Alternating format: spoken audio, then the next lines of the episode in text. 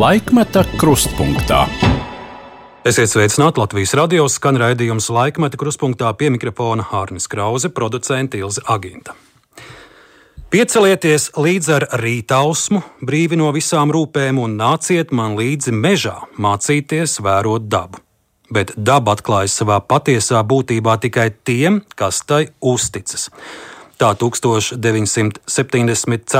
gadā laikrakstā Literatūra un māksla raksta tolaik 27 gadus vecais Arvīts Ulme, un šī ir viņa pirmā publikācija lielajā presē. Vēl mazs citāts no šī raksta.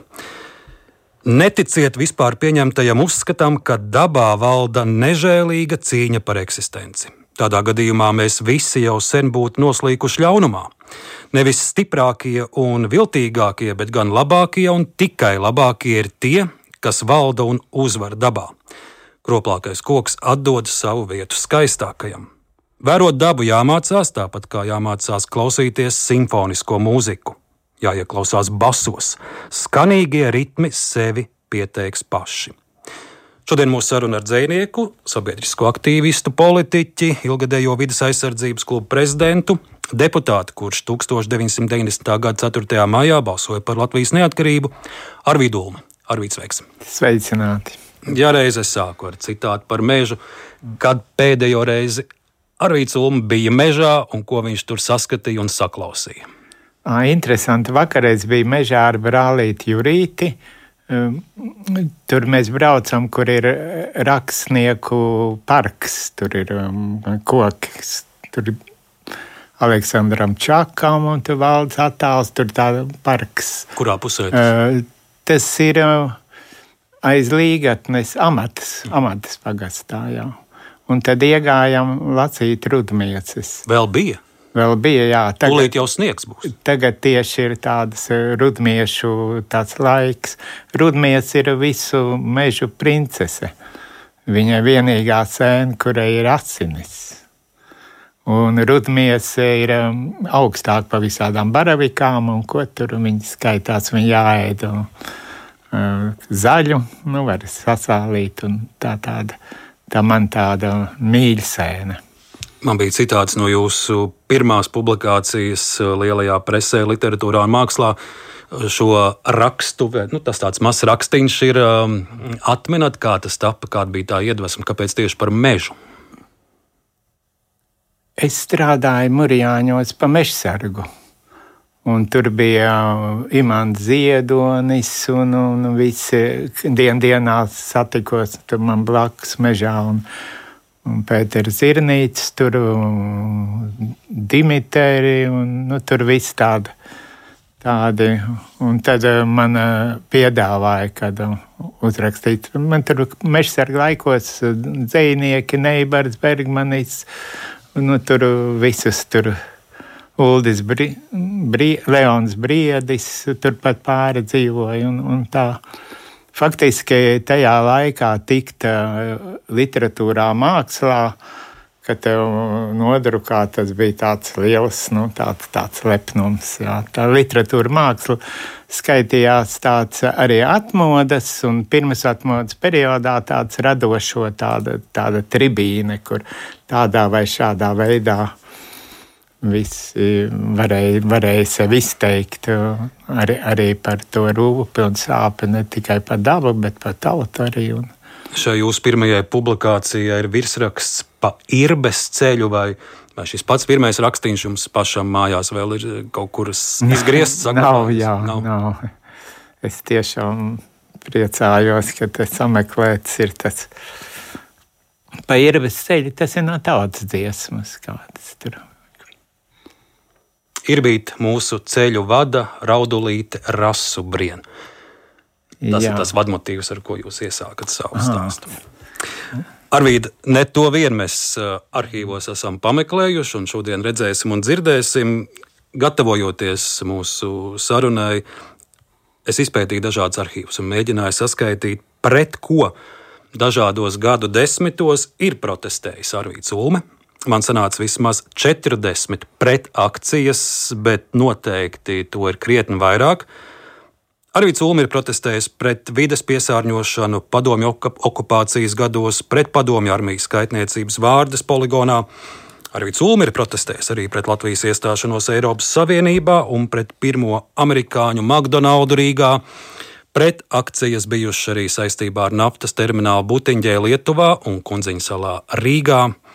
Arī Culmi iebildes arī pret pazemes autostāvvietām Rīgas vēsturiskajā centrā, pret celulozes rūpnīcu, mazajiem HES un arēna Rīga būvniecību mazdārziņu rajonā Skanstē. Protesta balss skanējusi arī pret seksuālo minoritāšu pirmajiem gājieniem Rīgā un ierobežojumiem Covid pandēmijas laikā. Gadu garumā šie pret ir bijuši daudz, bet šodien kas ir tas, par ko iestājas?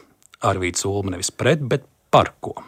Jā, es arī gribētu vairāk vērst to uzmanību, ka kriticisms ir ļoti bīstama lieta, jo viņš iznīcina cilvēkā dvēseles spēku. Un, un tāpēc uh, svarīgāk ir iestāties par. Un, un dabīgi šodien tas aktuālākais, man liekas, ir iestāties par mieru un par patiesību nu, un par Dievu. Teiktu, arī, arī šajā ziņā. Nu, tā, jo cilvēki tādā matērijā iegrimuši tādā nu, mantu un izdzīvot, un nu, rēķini un, un tā, un, un kaut kādīgi no, no, no to garīgā, no tā garīgā ir tā kā attālinājušies. Tas, tas arī būtu, būtu tāds bija Ungāra prezidents, kur viņš nosauca viņa tautai trīs vissvarīgākās lietas - ģimene, tauta un dievs. Tā arī tā likās ļoti, ļoti skaisti, kas tādiem pamatiem un, un būt par to, nu, par to ģimeni, par tautu, par dievu, nu, par, jā, par, un, un, un tādā, es esmu par tomēr labprātāk iestājos. Raugoties to, ka liela dzīves daļa daudzas pretakcijas ir. Bijuši. Jā, jā tas, pret, tas nav patīkamākais dzīves laiks, dzīvot pret ko. Par dabu, jā, par sauli, par mīlestību. Kas ir pats pēdējais, pret ko jūs esat protestējis? Tas bija tas Covid laiks, vai pēc tam vēl kaut kas ir bijis? Nu, pret šo konvenciju Stambuls. Tas ir par ģimeni, teikšu tā. Tas ir jūsu pēdējais pretprotests. Ja? Jā, pret. Uh, Nu jā, pret to Stambulas konvenciju. Tā. Arī redzot, kas šobrīd notiek pasaulē, dažādi satricinājumi, kas, kā jūs to visu vērojat, kā jūs to uztverat? Startautiskā politika. Nu jā, es tieši tāpēc iestājos tā miera, miera būt arī vispār Latvijā vajadzētu par nu, tādu miera kustību, ja, kur aicināt uz dialogiem, izpratni. Ja. Te notiek eh, tādā, tādā Tur Baidens, tur piemēram par Ukrajinu, tas saka labi, Trumps saka slikti, ja, un tad tur, tur viņi kā tur, un, un, un, un nav, nav tāda dialoga. Ja, ja domā pretēji, tad tu esi sliktais. Ja nav, katrs cilvēks jau savu to viedokli, e, nu, uz pieredzi, uz intuīciju, uz kaut kādiem faktiem, jau uz, uz, uz kaut kāda, nu, viņš jau nav ļauns, ka viņš tā domā. Viņam vienkārši ir tā, tāda dzīve ielikusi tādā informācijas, tādā zināšanā, atklāsmē vai faktos, ka viņš to grib aizstāvēt. Bet eh, tas, kad mēs nobloķējam, kas citā domā, ja, uzreiz viņi ir sliktie, viņi ir, viņi ir nu, kā saka, viņiem vispār nerunāšu. Ja, un, Un, un tas ir eh, ļoti, ļoti slikti, kad neskatoties uz gadu desmitiem pazīšanās un, un draudzību un tā, pēkšņi tikai viena uzskata dēļ, pat neizdiskutējot, eh, viņš ir nu, saka, sliktais. Un šī bloķēšana un ir ļoti, ļoti slikta tautai kopumā, tautas dvēselē kopumā vispār kaut ko, kaut ko labi, labi izdarīt, jo mēs vairs tā vietā, lai apvienotos un virzītu kaut kādu ga gaismas stariņus, mēs savstarpēji tur, kā saka, plēšamies. Jūs to attiecinat arī uz sevi, jo, ja atminam Covid laiku, jūs rīkojāt vairākas protesta akcijas un jūsu um, paziņas, jūsu ilggadējas sabiedrotie no zaļās kustības arī savā ziņā daļa no jums novērsās jūsu viedokļa, kas, es varētu teikt, bija mazākuma viedoklis, uh, dēļ to, to jūs arī pats piedzīvojāt.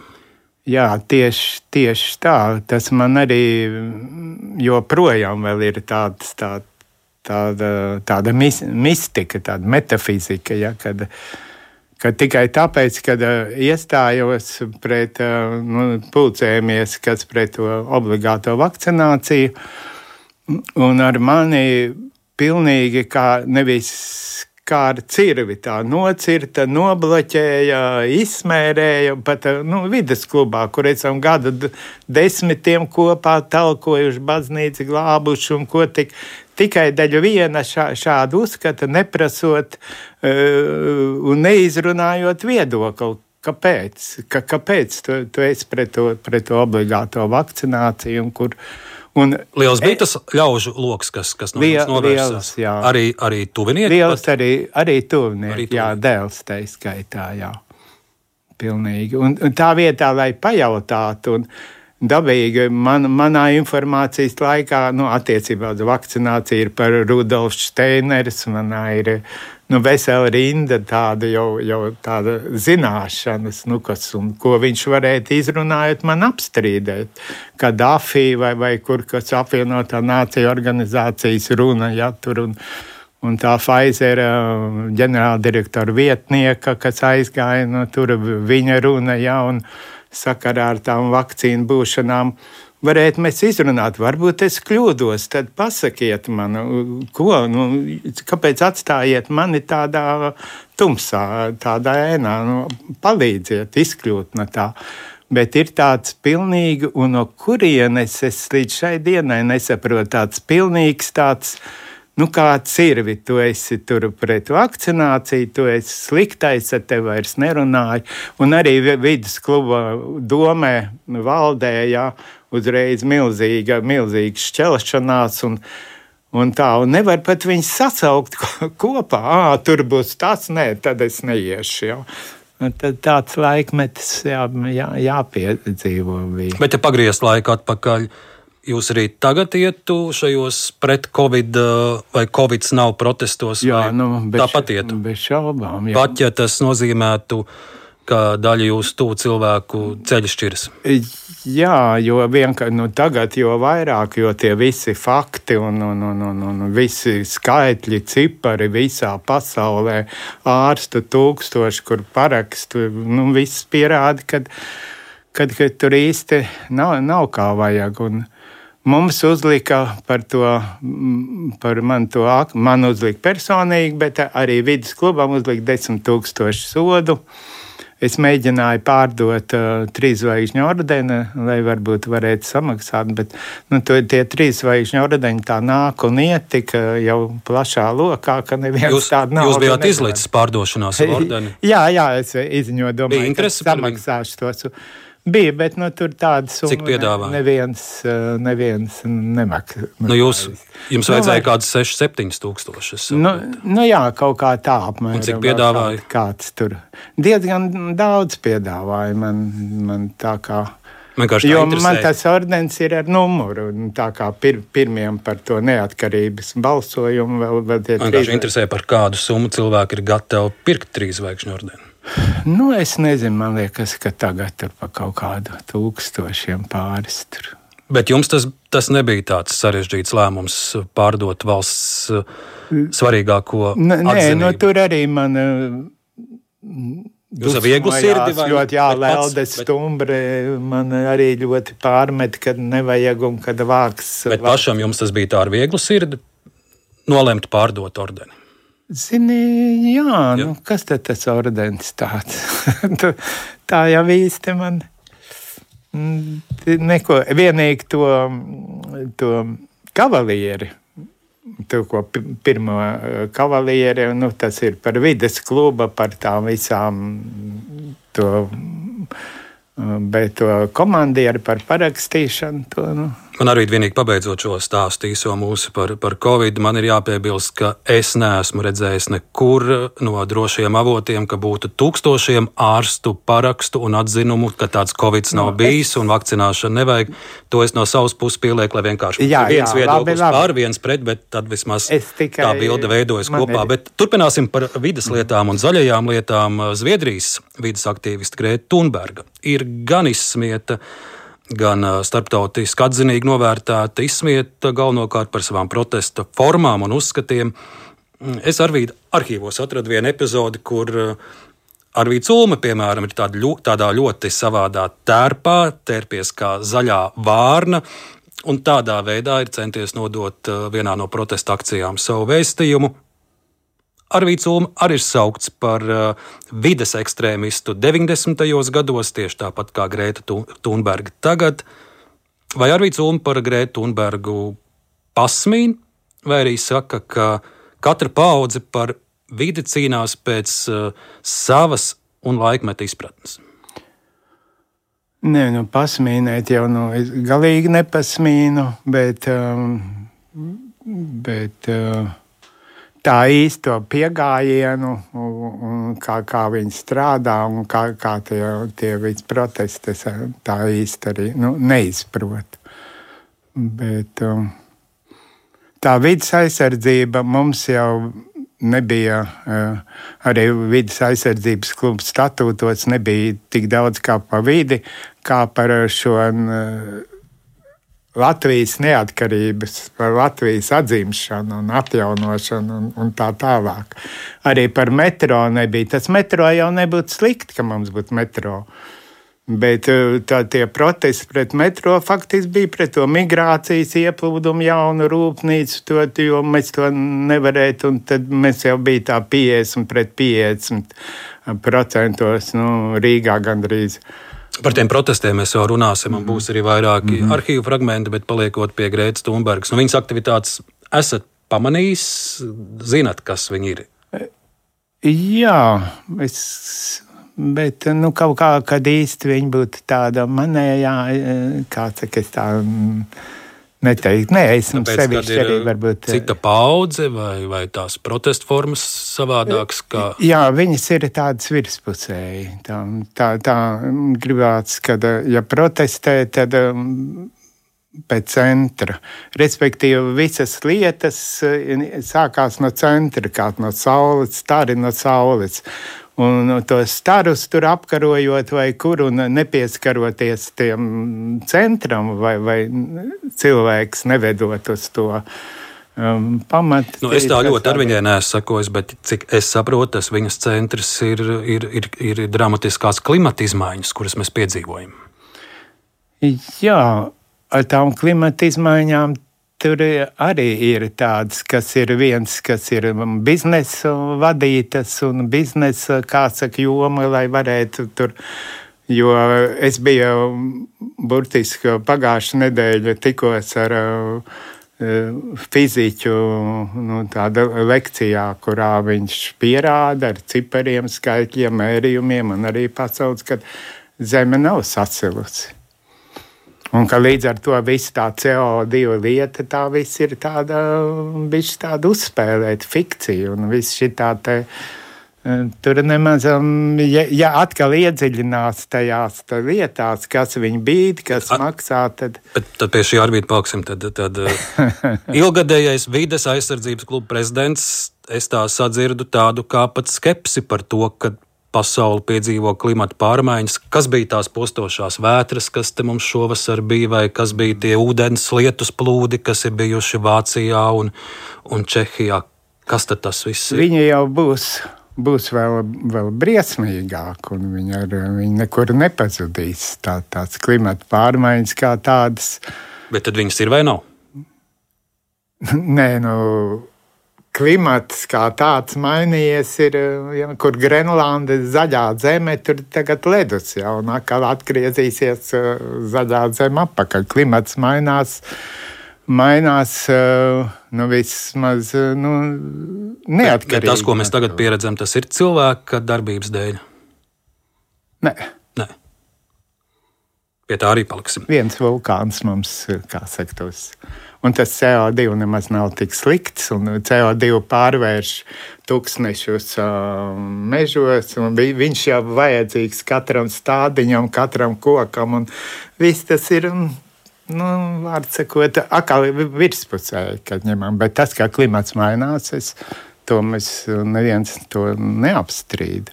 Arvīd, mūsu sarunas sākumā es jūs visus pirms pieteicu kā dzinieku.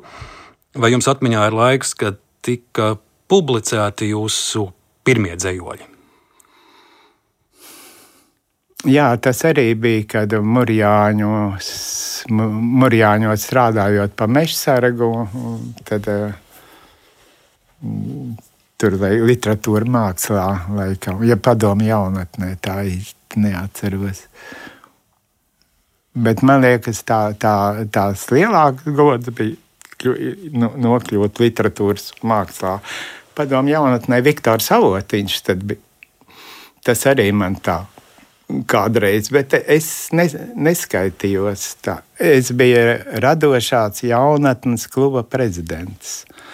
Un, un, un tā kā tā ra, radošā jaunatnes kluba prezidentu, mēs tur talkojam un dzējas vakari. Un, un, un, un, Un tad, tad arī tur, nu, vārds sakot, vienu otru publikāciju dabūju. Bet tad, kad. Nu, es neteikšu, ka vienu otru, jo es pārskatīju presi periodiku 70. un 80. gados. Arvīts Ulme ir publicēts kā jaunais literāts dzinieks, diezgan daudz, arī, arī karoks un citi izdevumi. Karogā pareizi. Jā, bet Arvīd, pats, pats pirmais jūsu dzējols ir publicēts 1960. gadā laikrakstā Padomjā Lūksne, un 60. gadā Arvīdam ir 13 gadi.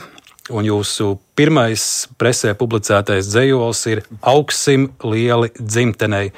Mēs rītā agri ceļamies un veikli ģērbjamies, mēs ātrāk skolā gribam būt un zināšanas gūt, mēs gribam čakla mācīties un zināšanas krāt, un darbā gribam lieli augt par prieku dzimtenei. Arvīts Putriņš, Gaujienas internāta skolas sestās klases skolnieks. Te man ir pirmais stāsts, kurā brīdī Arvīts Putriņš pārtapa par Arvīdu Ulmi. Nu, mīļotās uh, meitenes ulmes dēļ, jo viņai likās, ka viņa sauks par putriņa.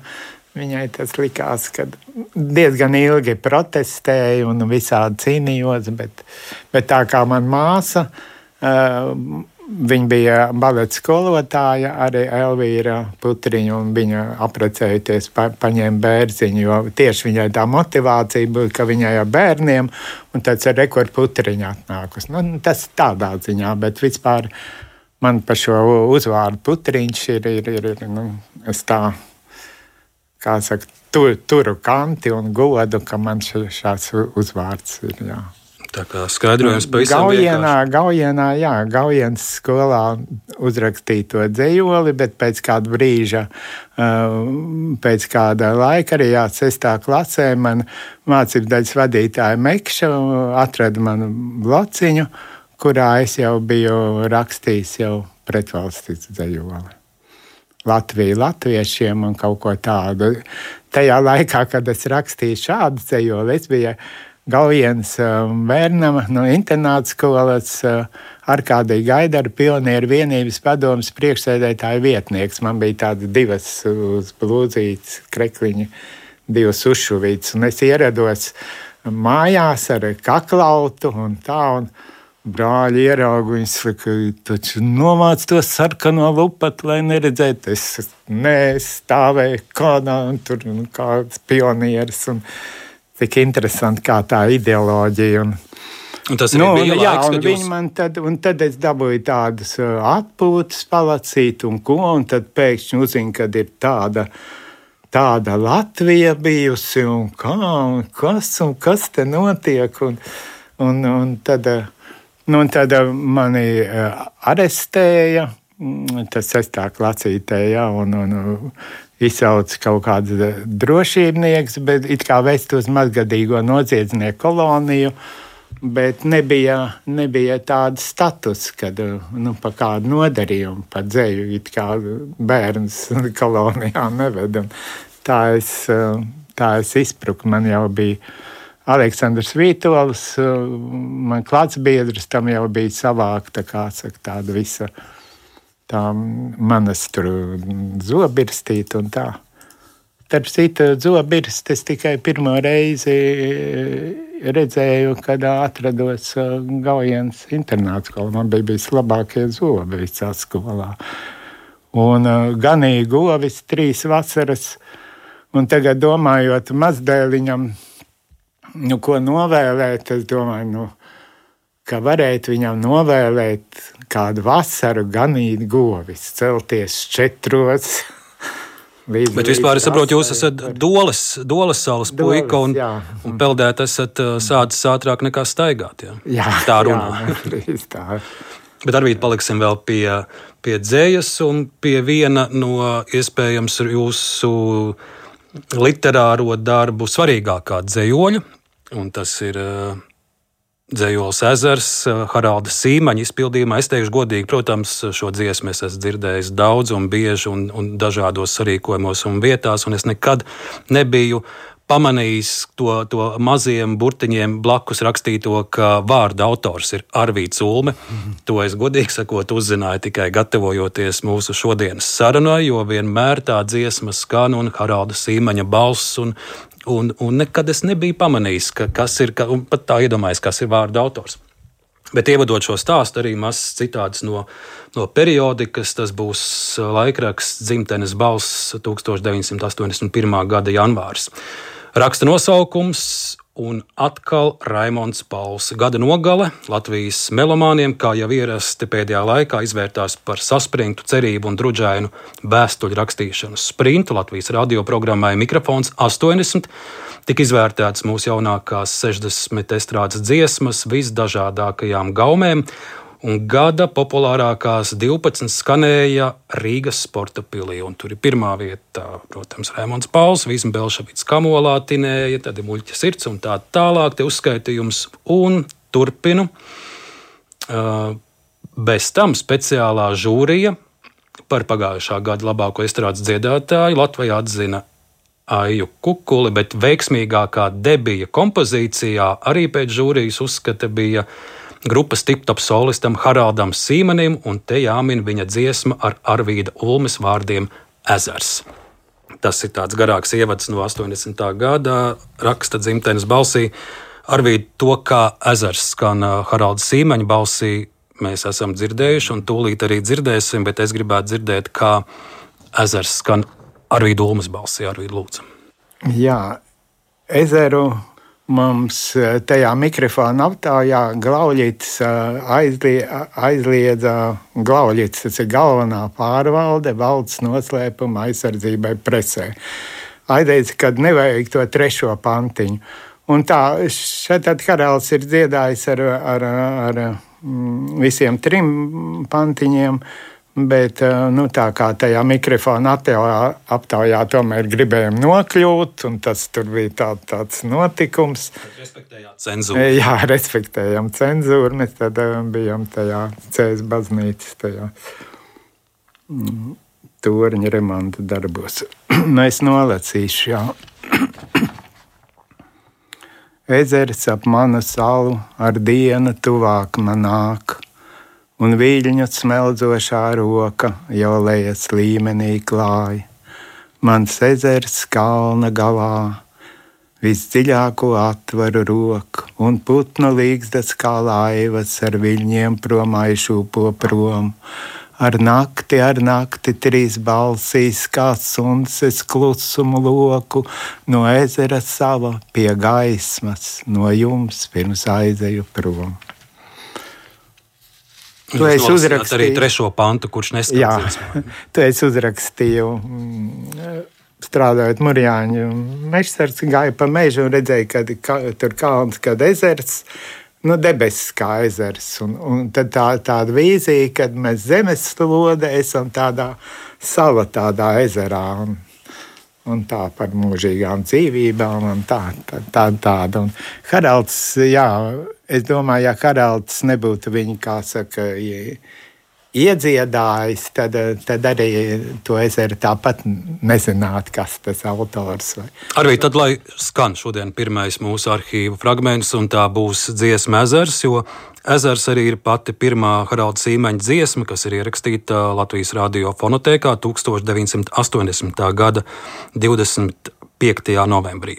Haralds Sīmans, Arvīts Ulme, Ezers.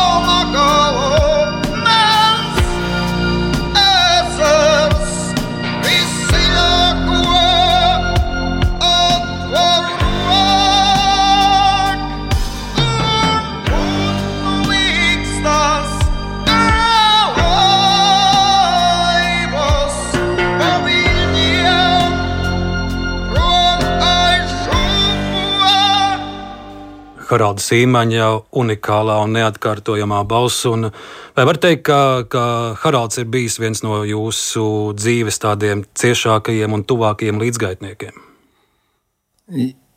Tieši tā, jā. Kad uh, mēs um, Cēlā baznīcas no torni eh, sākam strādāt pie ceļa baznīcas torņa atjaunošanas. Vispār no sākuma domā bija tāds ultimāts no komunistiem, vai nu sataisīsiet to torni, vai, vai, vai, vai kāds saka, viņi būs atkal atņems viņu. Nu, viņi, Tā bija pēdējā Lutāņu katedrāle. Vai viņu nenacionalizēt, jā, tad bija jāatstājas tornis.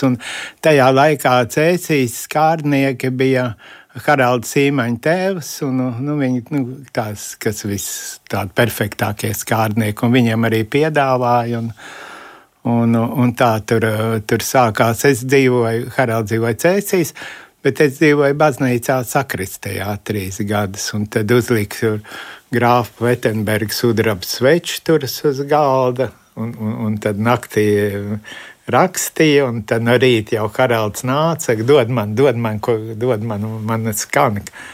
Vai kā, tas jā, tāda, tāda mistika, un faktiski tajos trīs gados mm, uzrakstītas dažādas poēmas, ērģelēm, mīlestība nekad nebeidzās, ļoti, ļoti daudz dziesmas, un, un, un, un, un maniem vārdiem tur gandrīz pie, pie simt dziesmām ir, un kaut kā mums kopā Uh, nu, tā, tas mūžs tā vadījās arī, kur es tālāk biju, vai tērvetē, tur arī Haralds, tā Rīgā.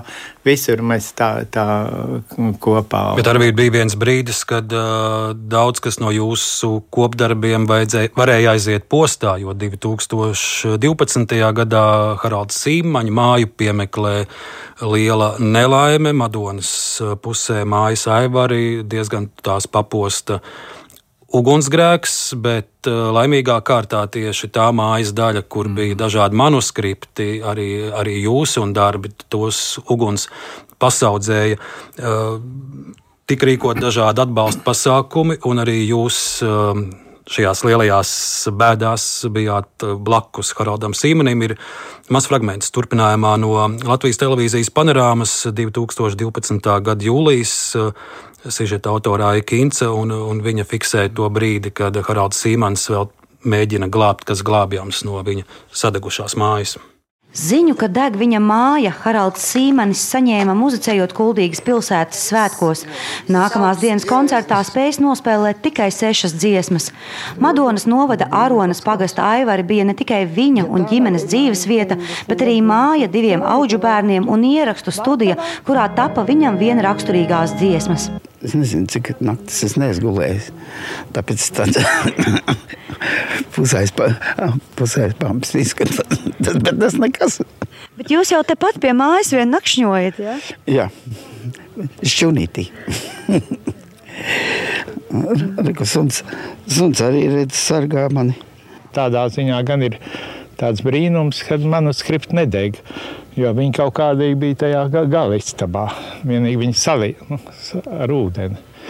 Bet nu, tas bija tas, tas lielākais. Tur mums ir tas nots pasaka par atslēdziņu. Tāda maza roka opera, un tur ir visādas iestrādes, un tā sakarā to studiju. Nu, Visžēl jau ir tā studija. Brīnums, bet manuskripti nedeg. Jā. To laikam Bulgākovs, meistarā un Margaritā teica. Jā. Mm. Jā, tas uguns, ugunsgrēks ir tiešām. Tā ir arī tāda zīmes, tāda, nu, kas liek pārdomāt. Un, bet, um, jā, paldies Dievam, ka kaut kā mistiski eņģelīte sargāja, ka tieši, tieši to, jo e, es arī neizceļos ar kaut kādu tādu perfekcionismu, kur man ir nolikti rokraksti, man pašam savu dzējoļu jāmeklē, grūti atrast, vai tas nav. Nu, Haralds jau arī nebija tā, nu, viņš gan bija par mani daudz, nu, kā saka, tāds precīzāks un tā, tā viss. Uh, akurātāks. Bet nu, tā, ka mums būtu kaut kāda duplikāti kaut kur, kaut kur vēl, un, un tas, tas nu, kaut kā nodrošinājušies. Tagad tajā informācijas laikā tā liekas, ka viss ir, bet tad nebija jau. Arvīd no dzējoļiem un dziesmām pie politikas un vides lietām.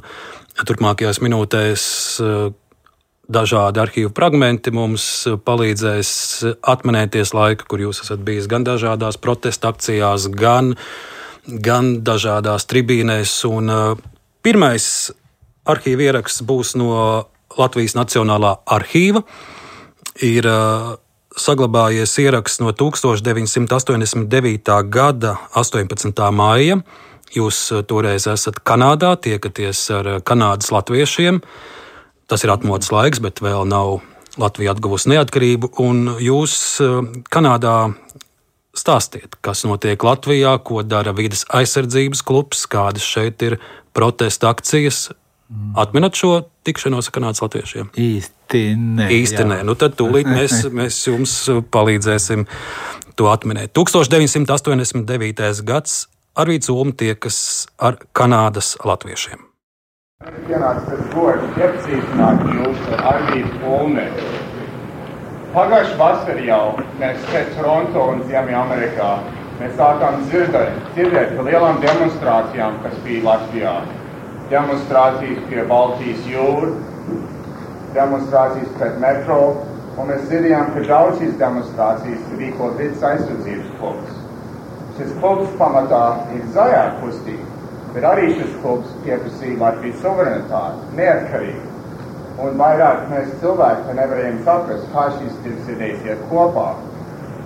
Tad augustā trīs, trīs nominē saziedoja naudu, lai kādu pārstāvu no šīs organizācijas atsauktu pie uz Kanādu un Ziemeļameriku, lai mums pastāstītu vairāk par šo organizāciju. Tā mēs izsaucām arī Ulmu uz šejienu. Tagad es iepazīstināšu jūs ar Arvīdu Ulmu, un viņš stāstīs tālāk.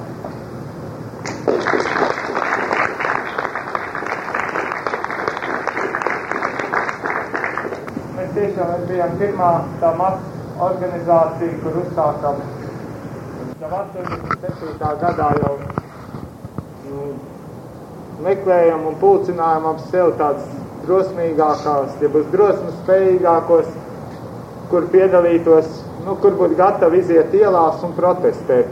Tajā laikā nebija svarīgi, pret ko protestēt. Pat tīri gaisa, metro vai sloks, tas nebija būtiski. Svarīgi bija dabūt tautā šo drosmi iziet nu, tādā vienotā spēkā.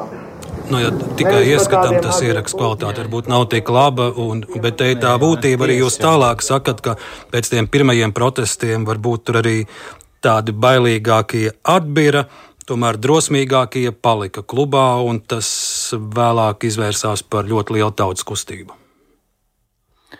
Jā, tā Tas, tas pirmais ar to vidas kluba protests bija pie patīra gaisa pie Vefa. Un tas bija, kad nekad līdz tam neviens nebija protestējis.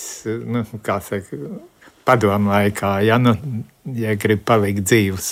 Nu, bija un, daži helsinkieši 86. Nē, nu, tā, gadā, bet. Ma, mas, jā, mm. helsinkieši. Tas, bet tā, tā kā tādu, tādu pulciņu savākt. Un, Un tad pie Aija Zariņas, eh, pie mīļotās mākslinieces Aija Zariņas darbnīcā un pie uh, Zilgālja. Un pēc tam viņam to darbnīcu dabīgi atņēma, bet uh, tur zīmējam plakātus. Un tad, ieejot pie, pie VF kultūras pīles, pat ne, ne, nesaprotu, kāpēc mēs tu, tur pie VF vai tur dūmi vairāk vai kas.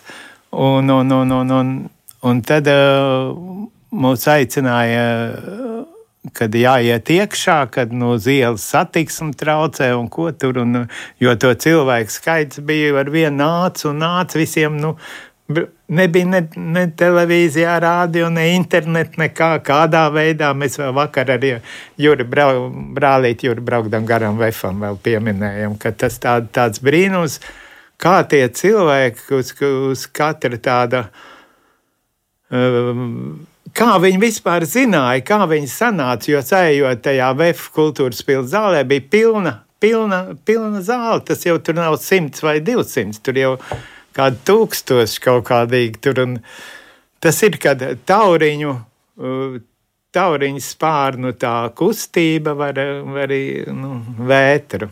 Viens tā, taurens var, var vētru izraisīt.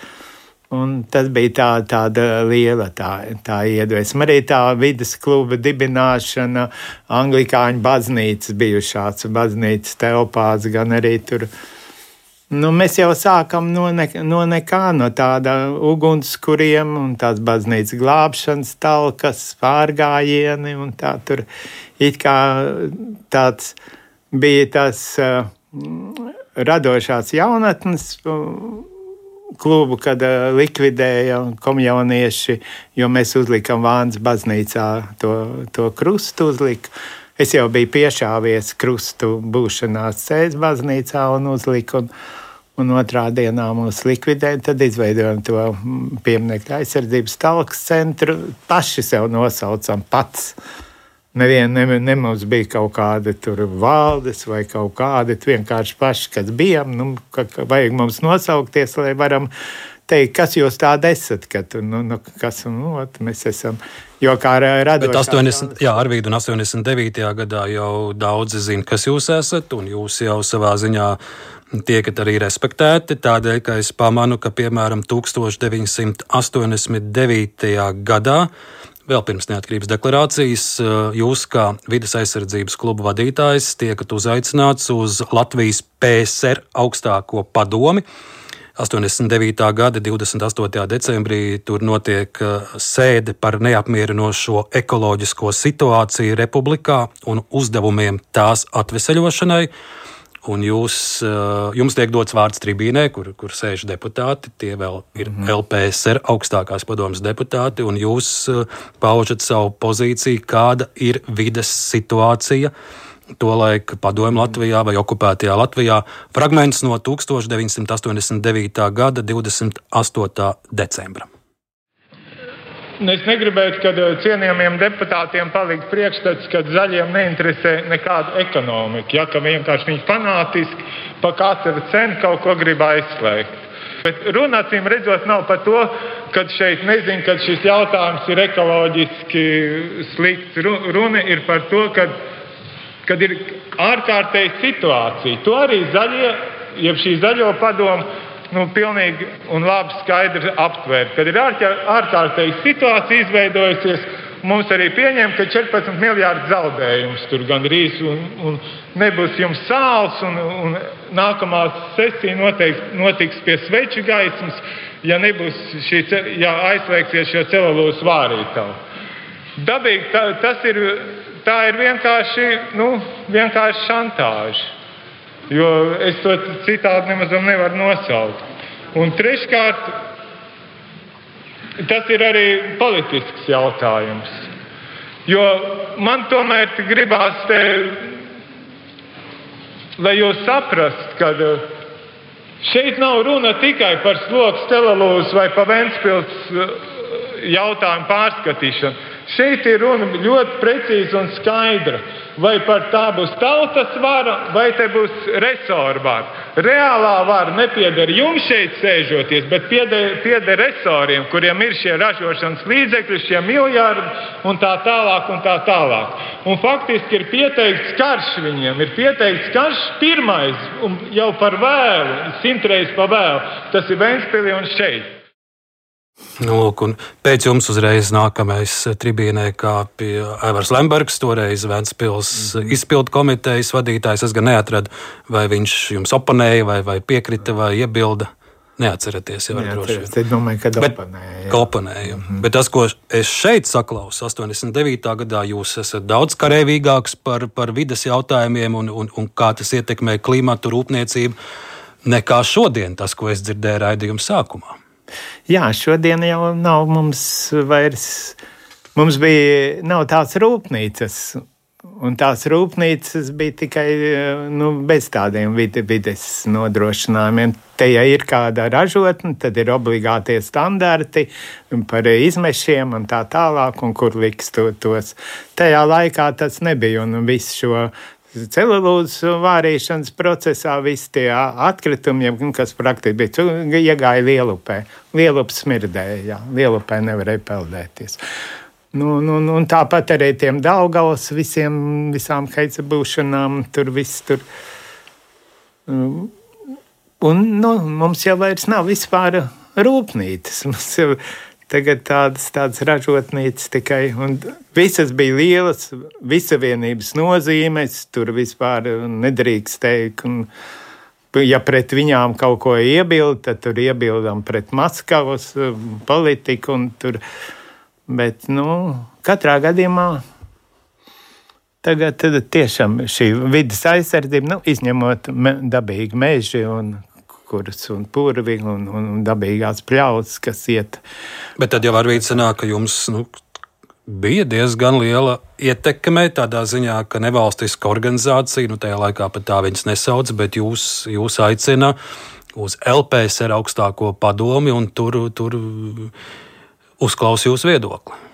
Nu jā, jau 88. tā jau vidas klubs jau, jau bija jāatsevi. Mums bija nodaļas pa visu Latviju. Uh, Un, un, un, un šīs nodaļas, eh, kad jārīko bija kaut kāda eh, akcija, tad viņi sabrauc no visurienes un vienmēr bija tāds ļoti, ļoti liels arī iespējas uz savu konkrēto to uh, vidu, Ventspilu vai, vai, vai Jūrmalā vai, Cēsīs, visur man sauc tās nodaļas un viņas tā kā pa mums zināja arī no nu, vietām.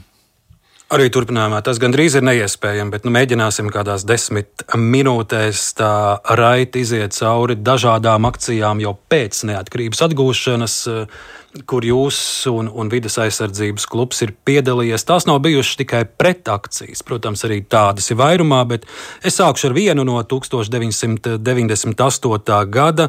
Tā ir zemes dienas akcija. Līdzīga tradīcija vai svētki bija jau Igaunijā, un Arvīdam. Ulmēm rodas ideja, ka zemes dienu mēs varētu svinēt arī Latvijā un 98. gada 22. aprīlī šāda svinēšana Rīgas centrā notiek.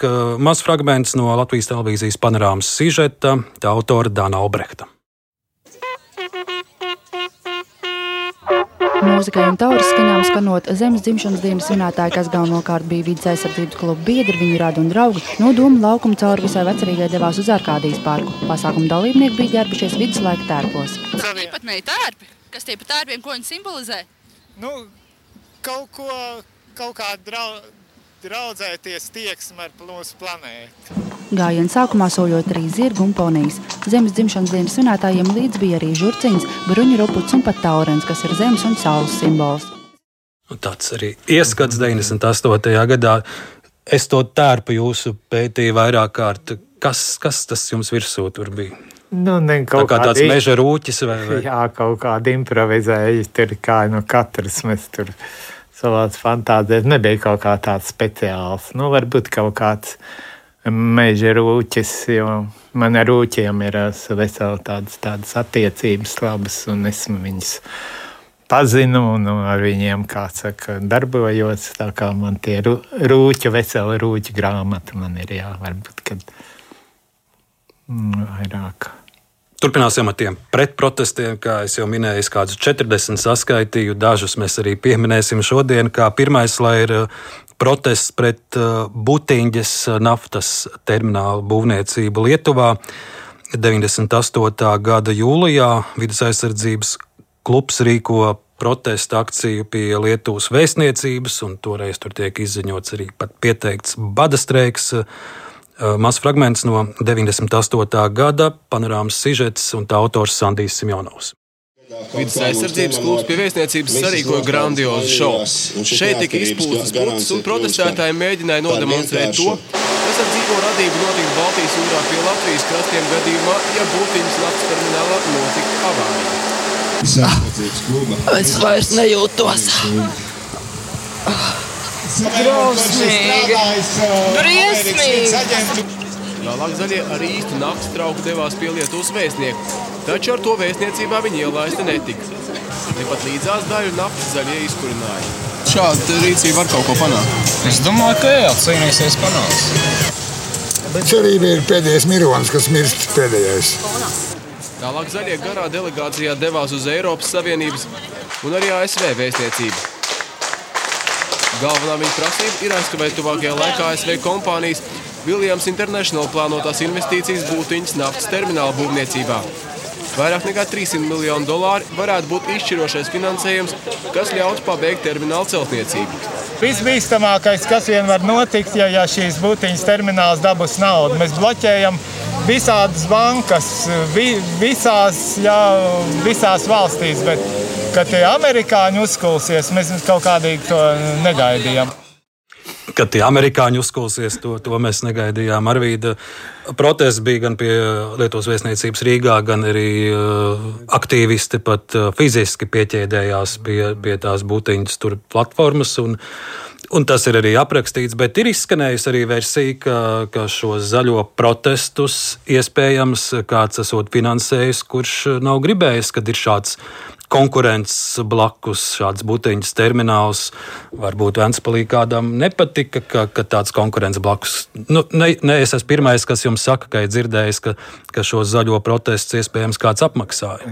Jā, jo bez šaubām, kur jau ir nafta un viss apkārt, kas saistās ar naftām, ir, ir, kā, ir nu, nepa, arī ar naudu. Naudu, kur ir tāds varats, un tad jebkur, jebkura tāda par vai pret nostājas, tu it kā vienā vai, vai otrā tādā pusē.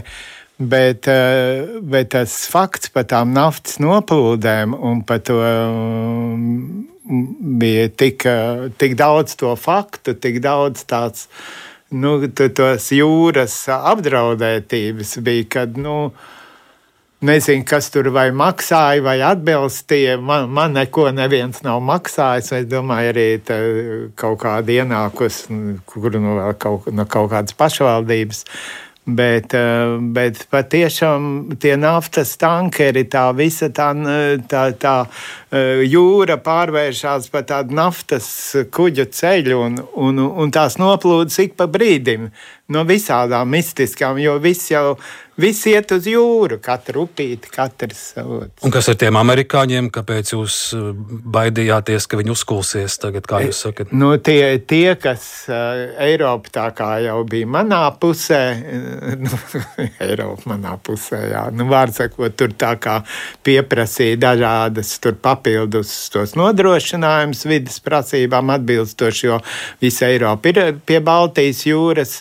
Nu, to naudu tā tad nu, neturēja, bet tad amerikāņi uzkulāja, ka viņi iedos, lai, lai to terminālu pabeidz. Viņiem jau kas, vienalga no kurienes, jo Amerika jau nedzīvo pie Baltijas jūras. Un, tādā ziņā es saprotu. Bet nu, labā ziņa ir tā, ka pēc tam, kad šis termināls tika uzbūvēts, faktiski tāda viena, viena avārija viena ir bijusi un, un, un varam piesist pie koka, bet, bet šobrīd tas termināls ir drošs un pēc tam nekas vairs nav atkārtojies. Dosimies tālāk. Viena no jūsu rūpēm ir arī koki, koku aizstāvēšana, kad ierēģi plāno tos izcirst.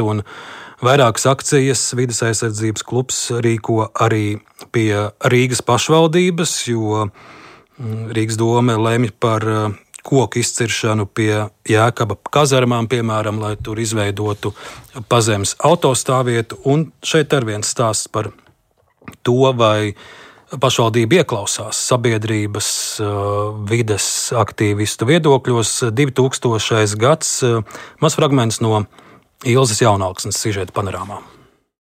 Dabas aizstāvi protestēja jau pret savulaik Kronvalda parkā nocirstajiem kokiem, kas traucēja autostāvvietas celtniecībai.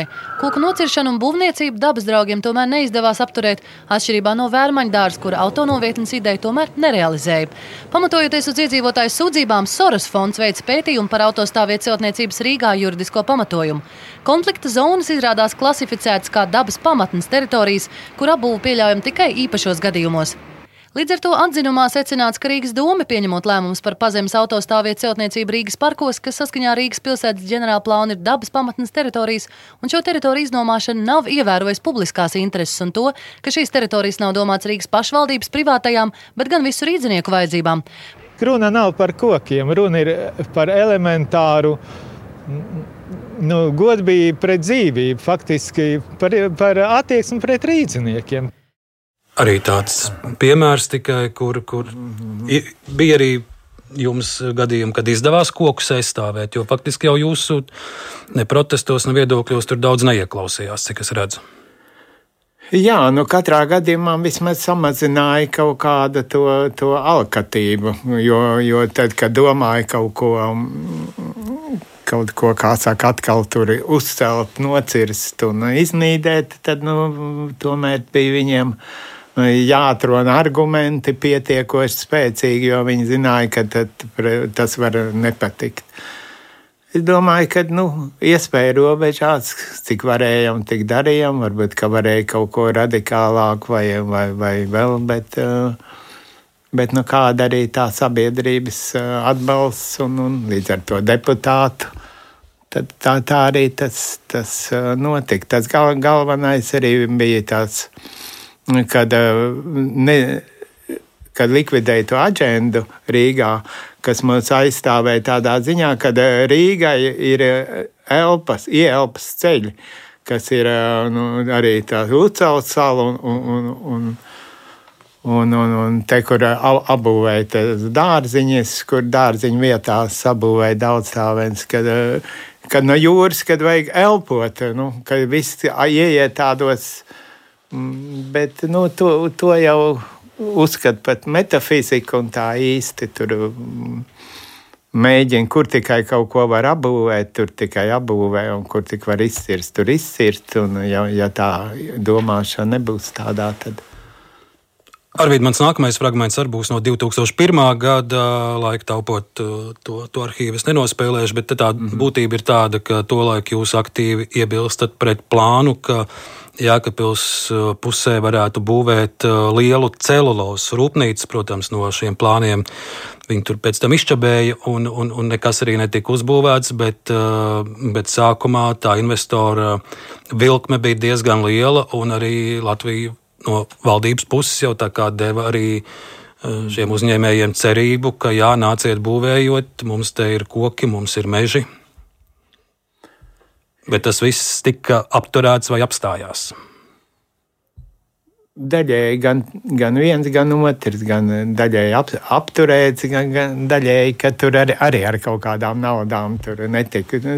Pēc cevolūzas rūpnīca briesmas mums bija vēl dzīves atmiņā sakarā ar, ar lielups un jūras tur tiem cukuriem, kas tur izdalās un ieplūst ūdeņos. Un, tad bija tāds lielāks sabiedrības un līdz ar to arī deputātu tāds, tāds atbalsts šai, šai lietai. Bet, nu, nu, to, to izdevās un nu, arī nebija vienkārši. Jā.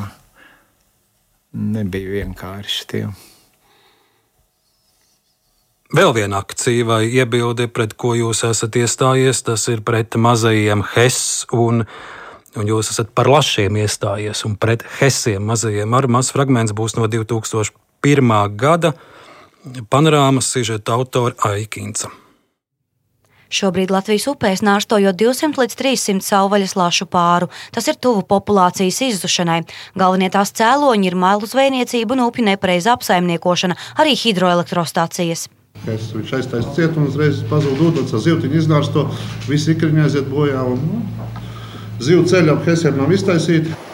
Dubultais tarifs, par kuru Latvijas energo iepērk mazo spēkstaciju saražoto enerģiju, ir otra sāpe, kas pamudinājusi Pasaules dabas fondu, Latvijas makšķernieku asociāciju un vides aizsardzības klubu turpmāk kopējiem spēkiem cīnīties pret mazo heisu celtniecību. Enerģētikas likuma 40. pāns ir par dubultā tarifa piemērošanu šīm mazām hidroelektrostacijām nodara lielu ļaunumu ne tikai no vidas viedokļa bet tas arī ir ārkārtīgs ekonomisks izkropļojums, kur no visiem mums, kā elektroenerģijas patērētājiem, tiek savākta nauda, un par šo naudu beigās tiek uzbūvētas hidroelektrostacijas. Tas ir tikai sākums. Te jau kā arī jūs redzat.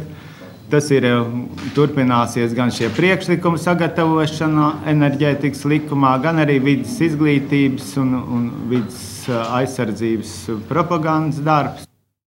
Nu, propaganda te mēs dzirdam arī uh, no šī pasākuma, kur sabiedriskās organizācijas apvienojas uh, Laša aizsardzībā, arī Egons Simpsons, Makšķernieku asociācija un Uģis Rotbergs Pasaules dabas fonds. Uh, man bija saruna šajā raidījumā ar uh, Indu Lemsi, un viņš teica, Jā. ka sākumā jau tā ideja par šiem mazajiem HES esot bijusi tāda uh, nu, pilnīgi savādāk domāta, bet man liekas, tie bija viņa vārdi, ka, ka, ka viss šis plāns esot eh, izcūkots. Un, un tā doma par mazajiem hesiem ātri vien pārvērtās par, par biznesa projektu.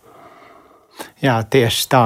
Viņa nebija tā, ka mums tā milzīgās elektrostācija, Daugauts, Hess un tā tālāk, faktiski, kad nu, nebūtu elektrība un kad tagad noteikti vajag pa katru cenu. Viņa Viņa bija privātais, paņem pie uz kādu upīti, kur. Un viņš jau grib pēc iespējas vairāk to. Viņš jau peļņu grib pēc iespējas lielāku. Lai būtu pēc iespējas lielāku, vajag augstāk to aizprost, uzcelt. Un, un, un, un tā tālāk pat ezeriem, tas kāla ezers, ja tur tu, to tur uzpludināja. Un, Un, un tur veseli rinda, nu, var sakot, jā, izkropļojas precīzi. precīzi jā. Nu, lūk, ja reiz pieminam Indu Lēmsi 2004. gadā Latvija kļūst par pirmo valsti Eiropā, kur ministra prezidents ir zaļās partijas pārstāvis, un tolaik Emsis, kā agrākais vides ministrs, izpelnās arī kritiku, ka viņš ir atbalstījis mazo hidroelektrostaciju būvniecību. Pats gan vēlāk secinot, ka ideja bijusi laba, bet Vēlākie mm. politiķi to ir sabojājuši. 2004. gadā Indulim Emsim, eh, kļūstot par premjeru, panorāma Latvijas televīzija skaidrot, cik zaļi ir Latvijas zaļie, kur vidū ir arī Arvīts Ulme.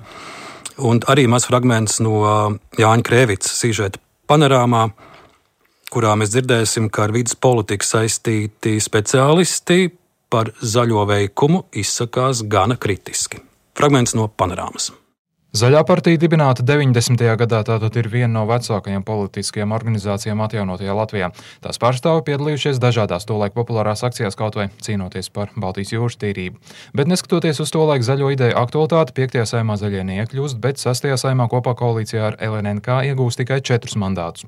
Iepriekšējā saimā viņi iet kopā ar kristīgajiem demokrātiem, bet atkal piedzīvo izgāšanos. Es esmu priekšpēdējā noplukusī zaļā vārna. Kāpēc priekšpēdējā? Nu, tāpēc, ka ir vēl viena. Bet necerēt veiksmīgi izvērtās zaļās partijas vienošanās ar Zemnieku savienību, plus vēl piesaistot Vilku Kristupānu un Ingrīdu Udri, kā arī izvēršot plašu reklāmas kampaņu. Ingrīda aiziet! Ingrīda Udre būt Eiropā saglabājot Latviju, Zaļo un Zemnieku savienību. Rezultāts 12 deputātu vietas zaļiem zemniekiem šajā saimā no tām trijās sēž zaļās partijas deputāti Induls Ems, Sarvīts Ulmi un Leopolds Ozoliņš. Jūs apskatieties uz šo izlasi, tie ir labākie no labākajiem, un ja šogad netiek zaļie zemnieki saimā iekšā, tad viņi nemūžam tur netiks. Tiesa gan vides jomā strādājošos cilvēkos šo abu partiju savienību izraisa smīnu, jo lauksemnieki, kur interesi aizstāv zemnieku savienību, ir lielākie dabas gandētāji. Eiropā zaļie parasti esot kreisi orientēti, savukārt Latvijā viņi vairāk slietas uz labējo pusi. Latvijas zaļā partija ir absolūti pseidozaļa. Ja, un, un, un vienkārši nu, tajā brīdī bija tāds caurums, šo caurumu viena daļa izmantoja. Es negribu pat apšaubīt to, ka varbūt pat liela daļa no, no reālajiem partijas biedriem arī patiesībā uh, nu, ir tādi vairāk ar pārliecību, ticību, un, un, un, un ka viņi ir taisni tādi paši kā tie šveicieši, somi vai, vai, vai vienalga kas, ja, bet ne partijas vadība. Lūk, šie ir ornitologa Māra Strasda vārdi. Viņš saka, ka Latvijas zaļie ne visi, bet eh, vadības galā pseido zaļie. Jā, es, es viņu pilnīgi atbalstu. Jā, tā, tā viss ir. Bet jūs jau tur bijāt vadības Nu, galā. Bija tā ar to politiku, jeb tām partijām. Kad mēs atgrieztos pie mažatārās sistēmas, vēlēšana sistēmas, ka pašvaldības iedzīvotāji tāds pilsētas izvirza savu pilsētā zināmu, uzticamu, savējo, neatkarīgi no partijas, ticības, tautības. Un tā bija tā vēlēšana sistēma, kas iedeva Latvijai neatkarību. Par mani varēja balsot, balsošanā par mani izvirzīšanu PSRS augstākā padomē, piedalījās armija. Tur bija zvārds kara poligons, kur mēs tur vēl. Te klausītājiem iekavās jāieliek jāatgādina, ka jūs kandidējāt no saldus puses. Jā. Un, kas ir interesanti, jūsu konkurents bija neviens cits kā saldus partijas komitejas pirmais sekretārs Augusts Brigmans, un jūs viņu uzvarējāt.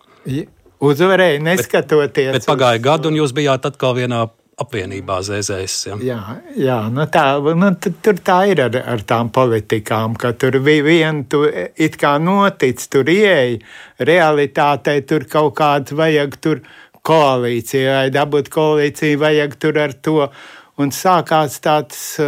Jums pašam arī bija uz daudziem kompromisiem jāiet. Nu, man ir laikam, vēsturē retais balsojums, kur visi saimnieki balso par un es balsoju pret. Tāda, Tas bija par tiem.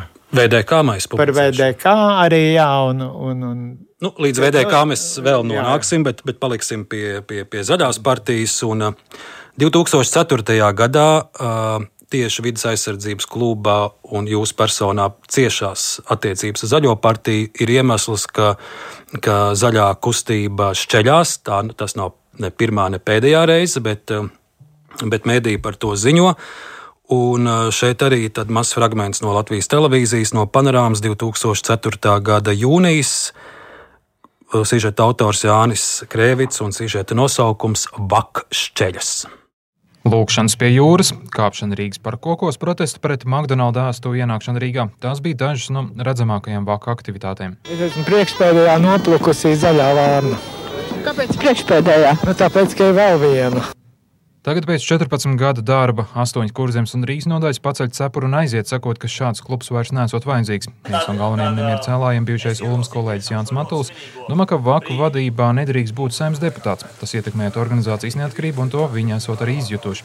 Uz nepieciešamību, ko mainīt, norādījuši arī vairākas starptautiskās organizācijas. Viens konkrēts piemērs ir tas, ka nekas nevirzās tālāk mūsu vienā no, es gribētu teikt, gadsimta lietām. Šis pats lapmešciem jautājums par, par piekrastes nelikumīgu apbūvi, kur, kur visi pierādījumi ir savākti, kur visi materiāli ir mums teikt, par labu mūsu argumentiem, ka tur notiek nelikumīgas darbības, bet nekas nenotiek. Es domāju, ka es arī būdams šeit kā deputāts, ka es nedaru kaunu tam vidas klubam uh, vai vidas kluba sejai. Jā, es visu savu, savu, savu laiku, savu, tieši lai tās vidas kluba idejas realizēju šeit. Es faktiski strādāju vakā, nevis saimā.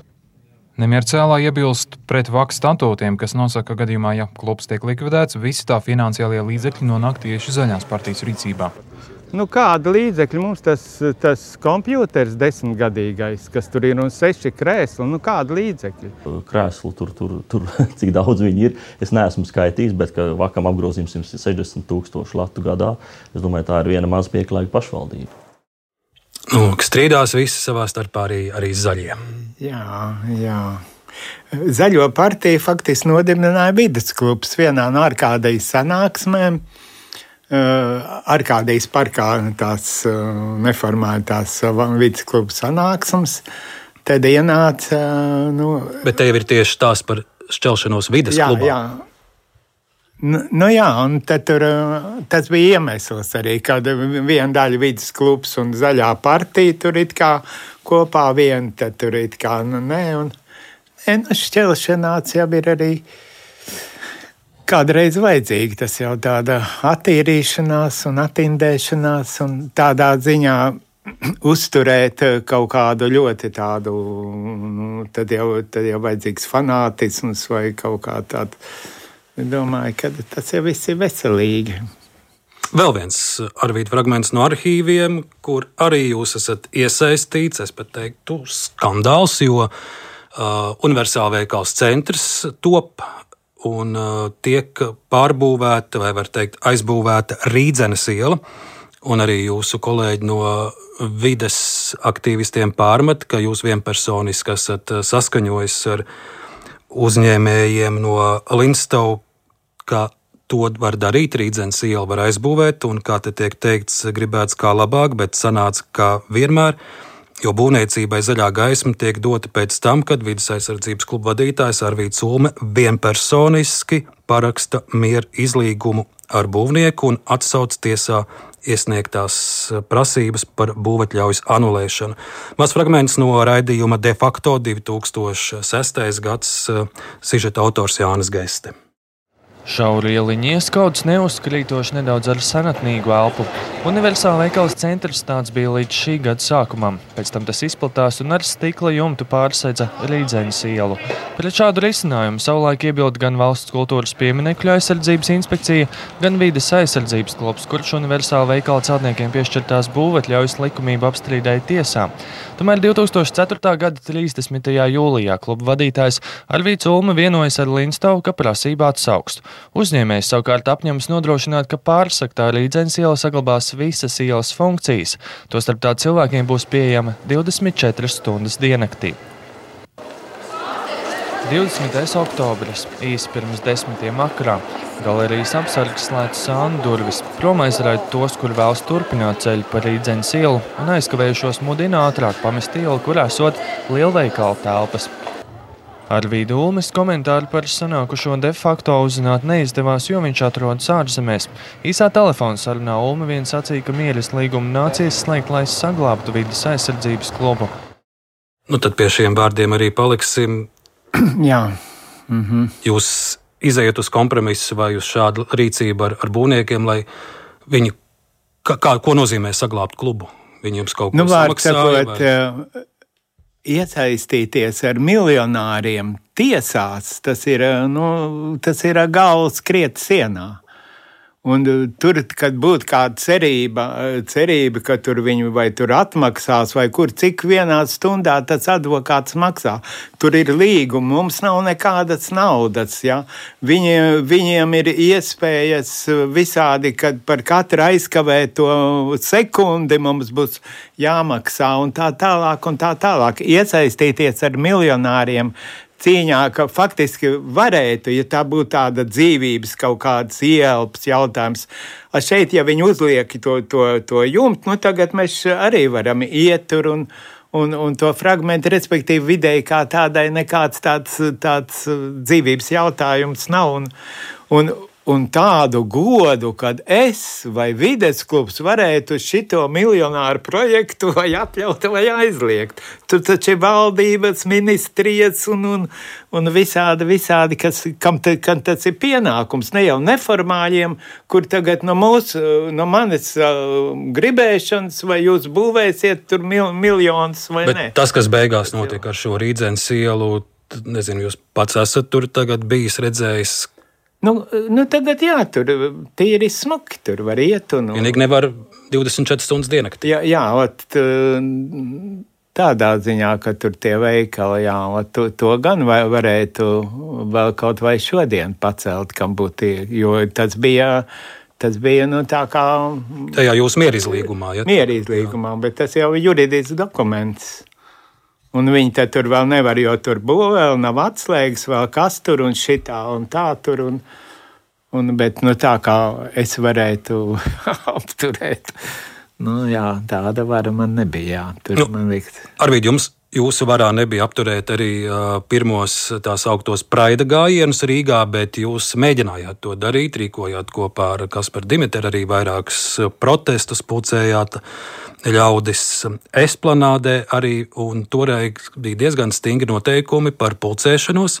Tas gan bija vairāk saistīts ar dažādām tām saucamajām Krievu skolu akcijām, un pēc tam pieņēma lēmums, ka vajag vajag prasīt atļauju pašvaldībā, un tikai tad var pulcēties. Jūs sapulcējāt ļaudis bez šādas atļaujas, un pēc tam pašvaldības policija jums uzrakstīja protokolu, un vēlāk to sūtīja uz saimu. Lai jūs administratīvi sodītu, es saprotu, tas sots tur nebija pat arī pārāk, nebija, pārāk jā. bargs, vairāk kā simbolisks. Bet šeit bija simbolisks stāsts arī tajā, ka uh, jūs esat viens no tiem retajiem, kuru saima nolēma neizdot uh, sodīšanai. Nu, šobrīd, faktiski, ja kāds prasa izdot deputātu, tad uh, pēdējos gados saima tā arī lemj, bet, bet man liekas, pēc jums sakoja arī Ainārs Šlesera gadījums, kas rezultējās arī ar saimas atlaišanu. Bet vienmēr sakot, šis ir stāsts par 2005. gadu. Jūs pats atzīstat, ka tas bija pārkāpums. Jūs toreiz arī panorāmā nofilmēts, ka jūs parakstat to protokolu un sakat, jā, varbūt bija pareizi iet un sākumā saņemt atļauju un tad pulcēt cilvēkus. Un tagad ir tas brīdis, kad saimai jālemj par jūsu izdošanu sodīšanai. Mazs fragments arī no saimas sēdes 2005. gada 15. septembrī. Un mēs dzirdēsim deputātu Ausmu Kantāni. Mīļais, dārgais Arvīd Ulme, es tevi cienu un es tevi mīlu ļoti daudz, bet es gribu, lai tu tiesā aizietu lai tu ne, ne, ne, ne, ne, nespekulētu ar mūsu imunitāti, kas mēs varam dot tev un nedot. Bet tā kā citi vispilnīši, un nedara tā, kā viens cits, varbūt otrs nav darījis šeit, pat mūsu telpā, un aiziet un godīgi tiesai pateikt, tiesājiet mani. Nu, uz šo ausmas kantānas mudinājumu Arvīts Ulm neatsaucās. Nē. Jūs saima neizdeva tiesāšanai. Oh, nu, bet Ausma ļoti pareizi pateica. Un, un Es pat nezinu, kā, kādas tur bet man liekas, ka samaksāja to sodu. Un to man jāprasa es, jums. Es, es, arī jā, es, vados pēc tā, kas, kas ir arhīvos. Jo toreiz juristi uzsvēra, ka tas nav labs precedents. Ka, mm -hmm. Ka, ja reiz nu, ir jāuzticas iestādēm, ja reiz tās uzskata nu, pierādījumi, Tieši tā, jā, ka kas tas gluži otrādi pret to deputātu vajadzētu būt vēl stingrākai likuma ievērošanai nekā, nekā kā saka, nedeputātam. Tagad ir, piemēram, ieeja poliklinikā, tur ir kaut kādi, man prasa, vai, vai esmu politiski kaut kāds nozīmīgā persona kā es esmu pacients, kāda politiski nozīmīgā persona ārstiem, ka, nu, nu, kādā sakarā tas ir, kas te tiek, tiek, tiek veidots. Nu, un, es esmu, kā saka, mīļās augsmas pusē. Jā ka viņa pareizi darīja un kad, kad vajadzēja. Ka, kā tur tālāk, es konkrēti šobrīd neatceros, bet man liekas, ka tur to sodu samaksāja un miers. Vai tā viņi tur ir? Un arī vēl viens uh, arhīvu fragments, kuram uh, nu pat pamanīja akurāt uh, šajās dienās aprit 20 gadu vēsturi. Un tas ir stāsts, kurš droši vien jums ir prasījis nevienu sirmu matu un, un nevienu nervu šūnu. Tas ir stāsts par Arvīdu Ulmas iespējamo saistību ar Valsts drošības komiteju un ar jūsu VDK aģenta kartīti vai kartiņu, vienmēr jaucu. jā, jā. Bet, un, un tas ir stāsts par jūsu VDK aģenta apliecību. Toreiz, 2003. gadā, Mediji plaši ziņo, ka saimnes deputāts Arvīts Ulma vēlas, lai tiesa izvērtētu viņa iespējamo sadarbību ar VDK 80. gados. Pēc jūsu ievēlēšanas saimā prokuratūra sāka pārbaudi par sadarbību. Tagad prokuratūra 2003. gadā to izbeidz pēc jūsu paša iesnieguma. Tomēr nu, iznāk, ka Arvīts Ulma ar šo iesniegumu pats ir atzinis sadarbību ar Valsts drošības komiteju. Tas ir citāts no 2003. gada panorāmas sižeta, arī mazs fragments tā autora Inga Šņore. Arhīvā, kas saglabājies par VDK vervētajiem aģentiem, rodama kartīte par aģentu zāli, kas esot bijis Arvīda Ulmes segvārds. Sēma šīs ziņas lūdza pārbaudīt prokuratūrai. Pēc vairākus mēnešus ilgušas pārbaudes Ulme lūdza lietu izbeigt. Viņš atsaucies uz likuma pantu, saskaņā ar kuru lieta jāizbeidz, ja pārbaudāmais atzinis sadarbību ar VDK. Prokuratūra šādu iesniegumu uzskata kā atzīšanos. Ja ir saņemts iesniegums un lūdz pārbaudas lietu izbeigt, deputātam ir jāzina, ko nozīmē minētā likuma 14. panta 14. punkts. Pats Ulme sadarbību ar VDK kategoriski noliedz un nekādā gadījumā nav atzinies ar uzrakstīto iesniegumu. Viņa prāt likums tulkots nepareizi un prokuratūrai pārmet nepatiesu ziņu izplatīšanu. Es vairs ar šito rehabilitācijas un speciālietu lietu prokuratūru atsakos jebkādas viņiem sniegt paskaidrojumus vai liecības, jo viņi vispār neuzklausa mani. Man ir rīcībā cilvēki, kuriem, kuri var liecināt, ka mēs gājam uz šo pratināšanas ar, ar šiem diktafoniem, ko mēs dabūjam no ārzemēm. Ulme uzsver, ka bijis padomju varai nevēlama persona, un Čeka par viņu interesējusies jau no skolas gadiem. Čeka savā laikā savus informatorus. Tas ir agentus, uzticības personas, vervēja no pretpadomju vides. Jo padomju patriots viņiem nebija vajadzīgs kā informators vai informācijas sniedzējs. Lūk, šajā sižetā mēs dzirdam jūs un arī Pēters Zalbe, toreizējais spēcdienas lietu prokuratūras virsprokurors. Arvīt par, par jūsu saistību, iespējamo saistību ar VDK. Jūs esat runājis daudz, ir bijušas garas un plašas intervijas gan sabiedriskos mēdījos, es redzēju, arī žurnālā ir. Un tādēļ es varbūt arī plašāk vairs šo stāstu neitirzāšu. Jūs tiešām daudz esat arī skaidrojis un dažādas vēstures mm. faktus un arī Arī jūsu brālis Juris ir stāstījis, un jūsu līdzaitnieki, kas un kā tur ir bijis.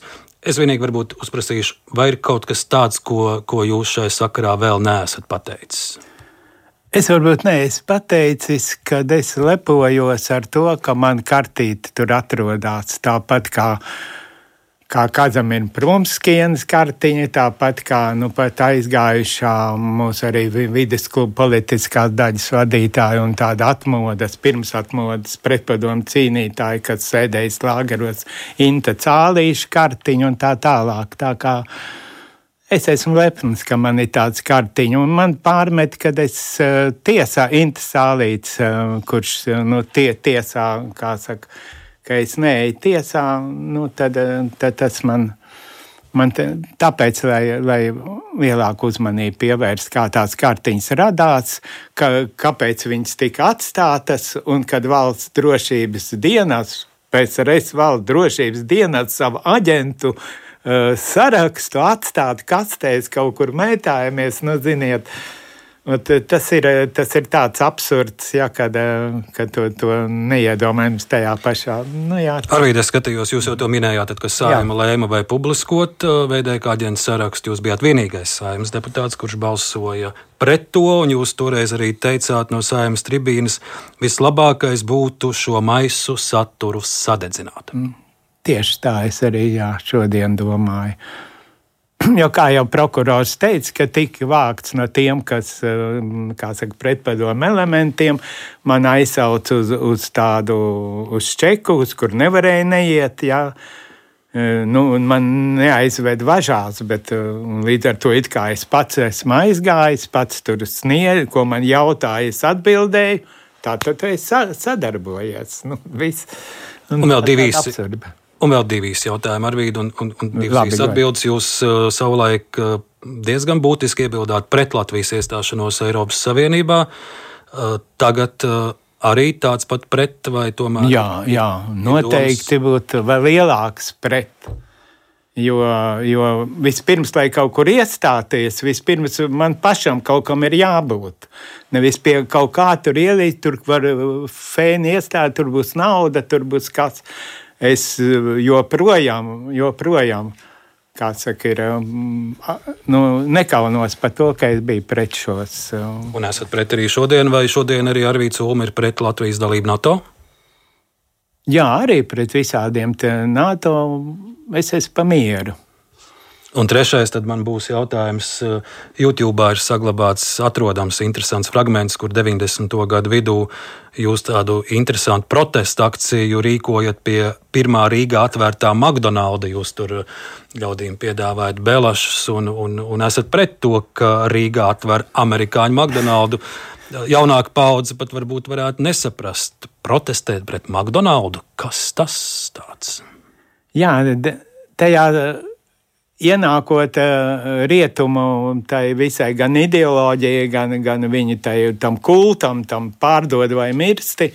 Mēs bijām paši savējos kaut kur tā kā eh, paslaucīt uh, malā. Un, un tāpēc lai atgādinātu to un arī par veselību un pārtiks drošību un tā tālāk. Un, jā, to McDonaldu mēs, mēs gribējām izsmērēt, bet nu, Bet, nu, sakiet, godīgi, pats, pats taču esat bijis kādreiz McDonald's. Jā, bet uh, es arī ne, neieteiktu. Es ieteiktu ķelmeņa rupmaizi, ēst un kaut ko dzīvu, kaut ko dabisku, kaut ko, kas nesmūs mūsu budžetā. Bet pat mūsu... uh, mazo burgerīti reizi gadā apēd arī ar vīcu ulmēm. Mm, vispār es neietu tajos McDonald's. un vēl Arī ierasta raidījuma beigās es pieminu arī to, ko atrodu par savu viesi radurakstos un senču arhīvos. Un man uzmanību piesaistīja viena jūsu intervija, kur jūs stāstījāt, ka, ka viena no jūsu vecmāmiņām esot bijusi ebrejiete. Jā. Kura no? Tēva mamma. Tēva mamma. Un tāpēc, ka tēvs apprecēja ar latgalieti, un viņi tā kā no visām tām ebreju būšanām mūs tur vairs neiesaistīja. Nu, te nu man arī kā, kā tādam mini-arhīvu senču pētniekam būs jāsaka, ka šķiet, ka šī būs vairāk dzimtas leģenda nekā patiesība, jo es atradu jūsu tēva un uh, jūsu mammas gan uh, pirmās pases, tas lai jums paliek par piemiņu no šīs dienas raidījuma, vai šādas bijāt redzējis? Jā, jā, nebija. nebija jā. Te, tas ir jūsu teicis, ja? jā. Un tā ir jūsu mamma. Un, Māmiņa, jā. Un es pameklēju arī, ko var atrast par jūsu vecākiem arhīvos, un atradu gan jūsu vecā vecmāma no mammas, gan no tēva puses. Un, un no mammas puses jūsu vecmāma ir uh, Anna dzimusi kundziņa, samiņa. Kundziņa, jā. jā. Un no jūsu tēva Jūra putriņa puses mamma ir Gotlība Roze, Luterāne. Nu, man liekas, tur tie ebreji Luterāni, jā, šeit ir skaidri ierakstīts. Tā kā es domāju, ka tās ebreju Nu, tur, tur tā saknes jums. tautība nav, nav nē, ir īgāga. Viņa arī. Jā, viņa arī. Lutāņu grāmatā ir tā kā Un, un- Gotlība Roze. Nu, Nu, bet viņa kā tik nav šeit tāda vairāk kā leģenda. Var jau būt tiešām. Bet arī, lai paldies, paliek- tas lai man paliek tiešām no liels pārsteigums. Te jūs redzēsiet arī pa, pa jūsu. Tātad jūsu mamma nāk no Viļāniem.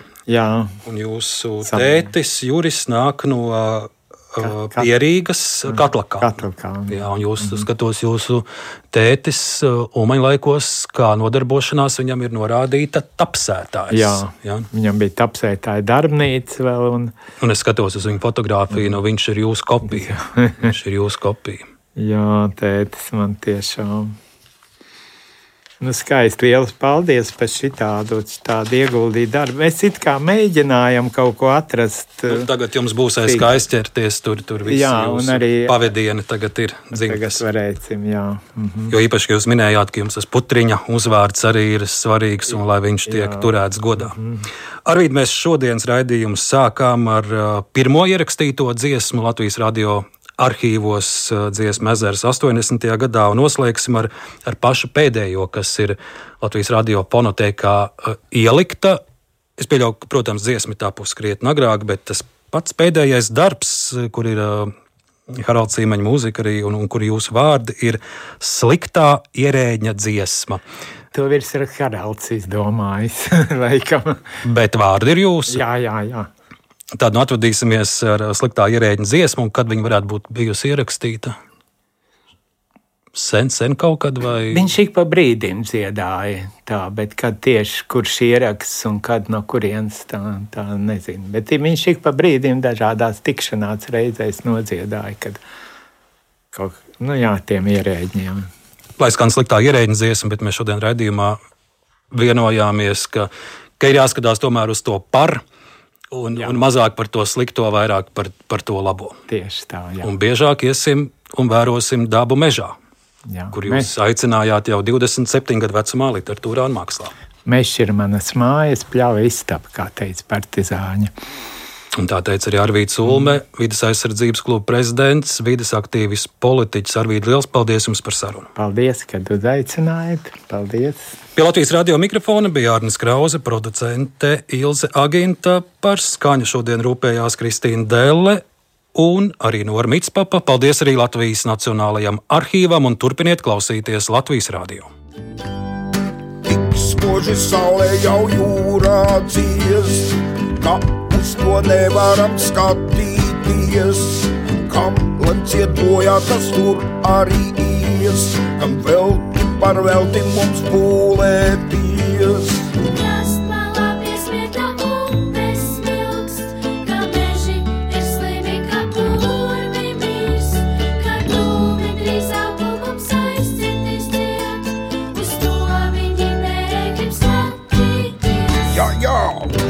To mēs nevaram skatīties, kā mūsu teviņu piemēslo. Uz priekšu, kad jālien vispārējais liekas, nav laika mums apkārt skatīties.